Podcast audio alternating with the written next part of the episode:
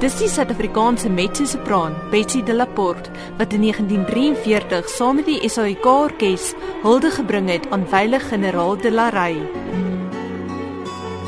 Maar die meeste luisteraars ken dalk die liedjie beter. Op 'n berg in die nag lê ons in donker en wag. En die modder en bloed lê ek koud. Streepsak en reën kleef teen my. Bok van Blerk se liedjie het 'n beweging laat ontstaan wat die media en akademici die Dillery fenomeen gedoop het. De la Rey, de la Rey, sal jy die boere kom lei, de la Rey, de la Rey. Generaal, generaal, so sien man sal ons om jou val, Maar min van die mense wat hand op die bors saam met die liedjie sing, dink aan hoe hy dood is en watter omstandighede daartoe aanleiding gegee het. 'n Navorsingsgenoot in geskiedenis by Koffsies, professor Andrius Raad, sê die onwilligheid onder Afrikaner geleedere om betrokke te raak by die Eerste Wêreldoorlog was een van die indirekte oorsake. Die Unie regering se uh, uiters simpatieke optrede aan die kant van Brittanje het tot gevolg gehad dat Afrikaners in twee kampe verdeel is. Aan die een kant diegene wat die Botha regering ondersteun het en aan die ander kant patrioties gesinde Afrikaners wat geen rede daarin gesien het om aan die kant van Brittanje te veg, 'n vyand uit die Anglo-Boereoorlog, maar meer as dit om 'n simpatieke moondheid soos Duitsland se kolonies binne te val nie. Dit het onmiddellik tot gevolg gehad dat Afrikaners wat ontevrede was oor hierdie verloop van sake, die hinkering gekoester het dat generaal Delarey en generaal Christian de Wet die leiding sou neem om gestalte te gee aan die weerstand van Afrikaners. In middel September 1914 is daar 'n parlementsitting in die Kaap gehou en Delarey is as senator opgeroep om dit by te woon. Raad sê dit is waar die finale besluit geneem sou word oor die Suid-Afrikaanse Unie se deelname aan die Britse veldtog teen Duits-Wes-Afrika. Delarey het hom daar in die Kaap baie sterk uitgespreek teen enige voorgenome inval in Duits-Wes en het hy van die parlement in Kaapstad teruggekeer waar hy na Beyers gegaan het en waar hy en Beyers na 'n lang en intense samespreking toe uiteindelik die pad aangepak het na Potchefstroom Dit is hierdie reis wat Laurika Raug in haar 2010 liedjie Die Siener beskryf. Dis 'n hele end vanaf Ottosdal diep in die hart van die Wes-Transvaal.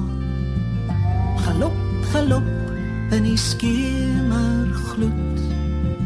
Oor Lichtenburg hang 'n lang verdoek. Raad sê die polisie mag het op daardie stadium na die berugte Fosterbende gesoek. Die Fosterbende was 'n groep wat banke beroof het en wat in die hele proses ook 'n paar polisiemanne doodgeskiet het. En dit is interessant dat juis in daardie tyd die polisie agtervolging van die Fosterbende toegepas is deur padblokkades op te rig en Delarey en Beyers het naby Langlaagte deur so 'n padblokkade gery Delarey het opdrag gegee dat hulle nie moet stop nie. Hy was onder die indruk dat die Unie regering daarop uit was om hulle rit na Potchefstroom te stuit. Beyers wat dieselfde dag as kommandant-generaal bedank het, het op sy beurt weer gemeen dat hulle agter hom aan was en daarom het Beyers en Delarey nie die padblokkade gehoorsaam nie en toe is daar op die motor gevuur en is Delarey noodlottig getref en het hy daar nie teenwoordigheid van generaal Beyers gesterf. Hoe sê jy vir 'n vriend jou daas getal. Jy groet maar net en jy sê vaarwel. Glo vas in die Heer. Hou vas jou hoed. Oor Lichtenburg hang 'n lang verdoek. Raug sing in hierdie lied oor die siener Niklaas van Rensburg wat die dood van sy vriend voorspel het.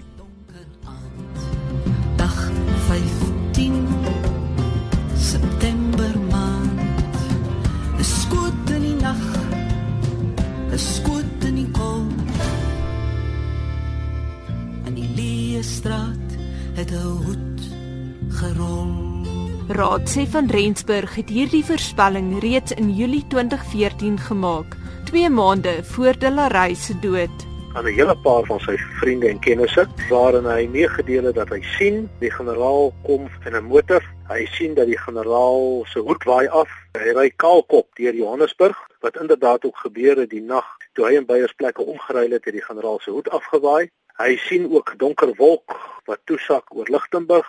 Hy sien die syfer 15 wat toe uiteindelik ook die dag was waarop die generaal dood is en hy sien bloed wat uit daardie 15 drup. Kan jy my nog hoor? Oom Koos gaan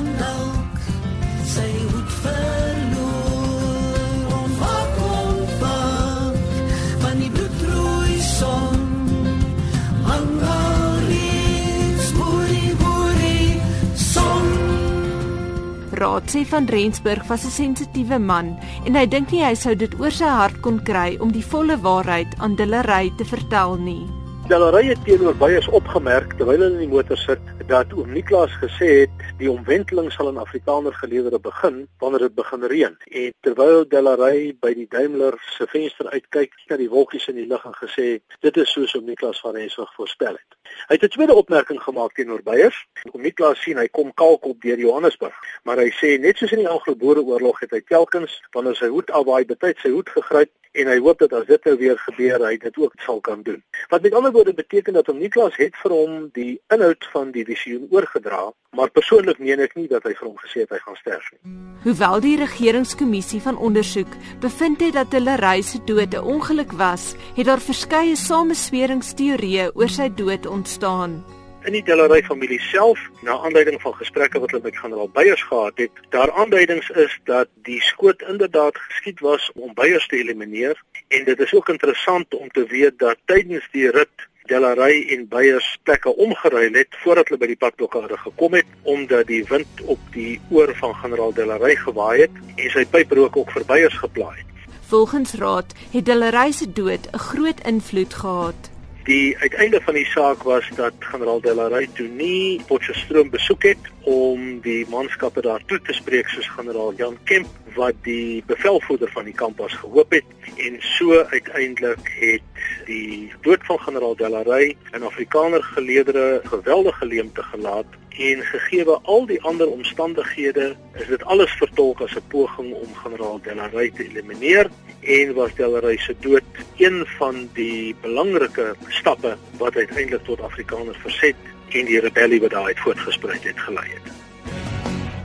De la sal jy die boere kom lei, de la rai, de la rai.